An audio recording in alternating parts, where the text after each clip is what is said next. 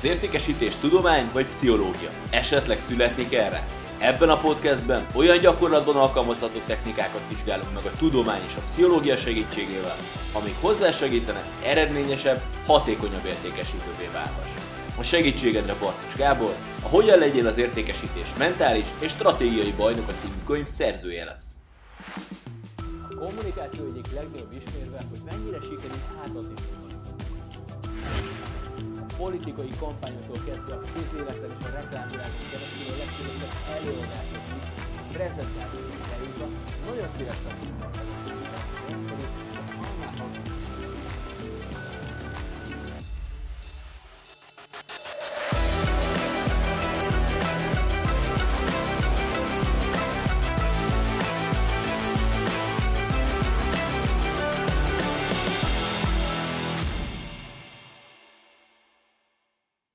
Sziasztok! Játszatok egyet velem? Gondoljatok egy számra 1 és 100 között, bármire. Ha megvan, akkor szorozzátok meg ezt a számot kettővel. Ha ezzel is megvagytok, akkor adjatok hozzá ehhez a számhoz most 6-ot. Ha kész, felezzétek meg, erre hagyok egy kis időt, és most a kapott számból vonjátok ki azt, amire legelőször eredetileg gondoltatok. Jól gondolom, hogy a hármas számra gondolsz? Sziasztok, én Bartos Gábor vagyok, ez pedig a Hogyan legyél az értékesítés bajnok a podcast 9. epizódja, és erről a hármas számról és annak a kommunikációs szerepéről fogunk beszélni. Ugyanis a kommunikáció egyik legkülönlegesebb, legmeghatározóbb és leginkább alkalmazott száma ez a hármas szám.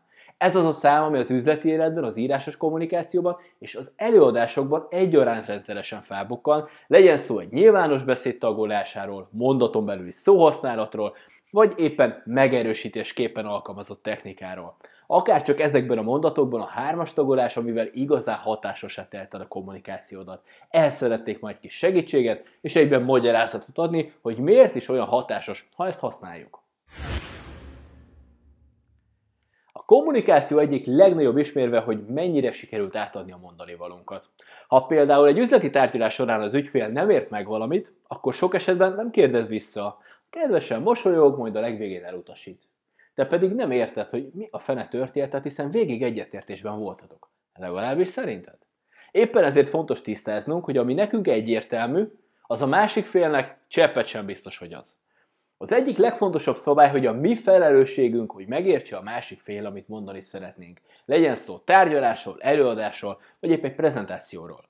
Ez rengeteg eszközt tudunk használni, de ma, ahogy korábban is mondtam, a hármas tagolásról lesz szó. Kezdjük is ennek az eredetével. Ez egészen pontosan 1956-ra nyúlik vissza, és George Miller nevéhez köthető. Nem, nem, nem a filmrendezőre gondolok, aki a Mad Max-et rendezte, hanem a pszichológusra, aki matematikai információ elmélet és a kommunikáció kapcsolatával foglalkozott. Ebben az évben jelent meg egy máig korszakalkotónak mondható publikációja, a mágikus hetes szám plusz-minusz kettő címmel. Ennek a lényege az volt, hogy a rövidtávú memóriánk alapvetően 7 dolgot plusz-minusz kettő képes feldolgozni vagyis 5-9 szó fogalom szám, amit még fejben tudunk tartani. Ha hallasz egy 7 számból álló számsort, azt még nagy eséllyel képes vagy megjegyezni. Ez az érték viszont növelhető a tömbösítés segítségével. Többnek nevezzük azt, ami önálló jelentéssel bír, vagy ahhoz köthető. A könyvemben például hozok egy példát, amiben a következő betűket kezdem el felsorolni. K, I, N, A, U, D, V, I, Z. Na most, ha jó memóriád van, akkor sikerült ezeket gyorsan memorizálnod, de valószínűleg ezt hosszabb távon azért nem biztos, hogy fel fogod tudni idézni. Ha például egy hónap múlva visszakérdezem, akkor azért elég kicsi az esély, hogy ezt visszamond. Abban az esetben viszont, ha ezt tömbösítjük, vagyis elárulom, hogy a KIN, mint kinesztetikus, AUD, mint auditív, és VIZ, ahogy már szerintem kitaláltad, a vizuális rövidítése, akkor könnyebben fog menni, mert elég ezt a három, ráadásul kapcsolódó szót megjegyezned. És már is tudod, hogy ezeknek a kezdőbetűit kell visszamondanod. Ugyanígy jegyezzük meg a telefonszámokat is. Idézz csak fel, hogy mondod, amikor megkérdezik a számodat. 74, 24, 39, 89. Három csoport, mert könnyebben megjegyezzük. Ez tehát a memóriánkhoz köthető tudományos magyarázat a hármas tagolásnak. Na de folytassuk azzal, hogy hogyan találkozhatsz ezzel a gyakorlatban. Maga a hármas szám gyakorlatilag a legtöbb történetben feltűnik. Gondolj csak a mesékben felbukkanó három kismalacra, a három királyokra, vagy éppen a három kívánságra. Találkozhatunk különféle fogalmak hármasságával, mint a test, lélek, szellem, gondolhatunk a szent háromságra, és eszünkbe juthat a múlt, jelen, jövő kapcsolata is. Alapvetően már Arisztotelész is a hármas szám köré építette szónoki beszédeit, és retorikai háromszög az ethos logos pathos köré épült, vagy emlékezhetünk az általános iskolai fogalmazásokra, ahol mindig felhívták a figyelmünket a soha nem feledett bevezetés, tárgyalás, befejezés kombinációra is. De az általános hármas számhoz kapcsolódó közhelyek után nézzünk pár konkrétabb példát is. A politikai kampányoktól kezdve a közéleten és reklámvilágon keresztül a leghíresebb előadásokig és prezentációkig eljutva nagyon-nagyon széles spektrumon fedezhetjük fel ezt az egyszerű, de annál hatékonyabb eszközt. Kezdjük akkor a politikával. Be kell valljam nagyon távol áll tőlem, de hála a rengeteg kommunikációs szakember alkalmazásának nagyon-nagyon jó példák vannak a politikában. Az egyik ilyen méltán elismert szakember Ted Sörensen volt, aki John Kennedy beszédeit írta meg. Az általa írt beszédekben rendszeresen megtalálható ez a hármas tagolás, hiszen nagyon sokszor beszéltek célokról, eredményekről, amik ebben a felosztásban sokkal követhetőbbé, értetőbbé váltak. Barack Obama Sörensen nagy rajongója volt, és több kommunikációs eszköz többek között ezt is átvett tőle. Egy tökéletes példa erre a 2004-es Demokrata Nemzeti Konvención tartott nyitóbeszéde. Most ebből olvasnék egy nagyon rövid részletet. Hiszek benne, hogy visszatatjuk a középosztály biztonságát, és elindíthatjuk a dolgozó családokat a lehetőségek felé vezető úton. Hiszek benne, hogy munkát tudunk adni a munkanélkülieknek, otthont a hajléktalanoknak, és visszatéríthetjük városi fiainkat az erőszaktól és reménytelenségtől.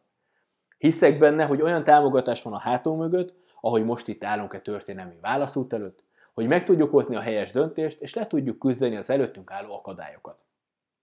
Na most, ha jobban megfigyeled, nem csak, hogy három dolgot sorol fel, de a második részben is megtalálod a hármas tagolást, még mondaton belül is. Obama nagyon tudatosan alkalmazta ezt a technikát, ami még a szlogenjében is visszaköszön, yes we can. Na de aztán folytassuk a közélettel, és ha már szlogenekről esett szó, az elmúlt évek legfelkapottabb jelmondata is ugyanezt alkalmazzák. Black Lives Matter és a fai megkülönböztetés, Wir schaffen das, a menekültek támogatása, és ha még tovább utazunk a világban, akkor találkozhatunk a napokban kezdődő világkiállítással is Dubajban, ami szintén három témaköré szerveződött. Lehetőség, mobilitás, fenntarthatóság. És ezzel el is értünk gyakorlatilag a harmadik területig, amikor előadásokon, beszédekben és különböző prezentációkban lehetünk figyelmesek erre a különleges számra. Talán az egyik legismertebb rajongója ennek a hármas egységnek Steve Jobs volt, a prezentációk egyik etalonjának számít a 2007-ben megtartott első iPhone bemutatója, amiben nemes egyszerűséggel elmondta, hogy miről lesz szó. Ezt én rengeteget néztem meg, és elemeztem ki, hogy még jobban megértsem, és a mai napig előttem van, ahogy kiáll a színpadra, és beszélni kezd. Három dolog. Nagy képernyős, érintésvezérelt iPod. Egy forradalmian új telefon, és egy áttörés jelentő internetes kommunikációs eszköz. Egy telefon, egy iPod és egy internetes eszköz. Hogy elmondta, hogy valójában ez a három dolog egyes ugyanaz. Az első iPhone. A hármas tagolás használatával sokkal meggyőzőbb prezentációt készíthetünk, ami ráadásképpen sokkal könnyebb követni, dinamikusabb hatást kelt, és a segítségével képesek lehetünk nagyobb hatást kiváltani, mint ha egyszerűen csak rázódítanánk az információt a másik félre. Nyilván a legfontosabb kérdés, hogy hogyan tudod alkalmazni ezt a kommunikációdban. Hát a stílusosan adjuk választ, háromféleképpen. Az első, amikor a beszéded, az előadásod, vagy épp az üzleti tárgyalásod három nagy blokkra osztott fel. Törekedj arra, hogy legyen egy íve az egésznek, és fokozatosan vezess végig a hallgatód a mondani valódon, mint egy jó idegenvezető. Egy példa erre Steve Jobs egy másik méltán híres beszéde, amit 2005. június 12-én tartott a Stanford Egyetem diplomaosztóján. Ebben rögtön az elején ő így kezdett. Ma három történetet szeretnék elmesélni az életemből. Ennyi. Nem nagy dolog, csak három történet. Az első történet a pontok összekötéséről szól, a másik történetem a szerelmről és a vesztességekről szól, a harmadik történetem a halálról szól. Gyönyörűen kirajzolódik az íva teljes beszédének. De mindegyik történet önmagában is megállta a helyét. Együttesen viszont egy teljesebb képet kapunk, ami hatásosan indul, és még hatásosabban zárul le, hat az érzelmekre, és egy tanulsággal fejeződik be, amit hazavihetünk. Ha saját példát szeretnék felhozni, akkor megemlítettem a könyvemet, amit szintén három fejezetre tagolódik a bevezetővel, ahol a könyv hátterének alapjait fektetem le, a győztes mentalitás témakörével, amit a pszichológiai felkészültséggel foglalkozik, majd ezt követi az értékesítési stratégia, ami egy teljes üzleti tárgyalás kommunikációját mutatja be. És mit gondolsz, ez a stratégia hány részből áll? Jól gondolod, természetesen három. Hasonlóan az értékesítés bajnok a mesterkurzus is, aminek az első része mentálisan, második része szakmailag készít fel, harmadik részben pedig közösen átültetjük a gyakorlatba, és a saját piacodra optimalizáljuk a tanultakat. A kérdés tehát, amit magadnak érdemes feltenned, hogyan tudom három egységre osztani a mondani valóm, amit át szeretnék adni. Aztán lépjünk is tovább a második módja a hármas tagolásnak, amikor mondaton belül használjuk. Most ehhez is mondanék ebből az előbb említett diplomaosztó beszédből egy példát, ami így hangzott. A következő öt évben egy új céget alapítottam Next néven, egy másikat Pixar néven, és beleszerettem egy csodálatos nőbe, aki később a feleségem lett.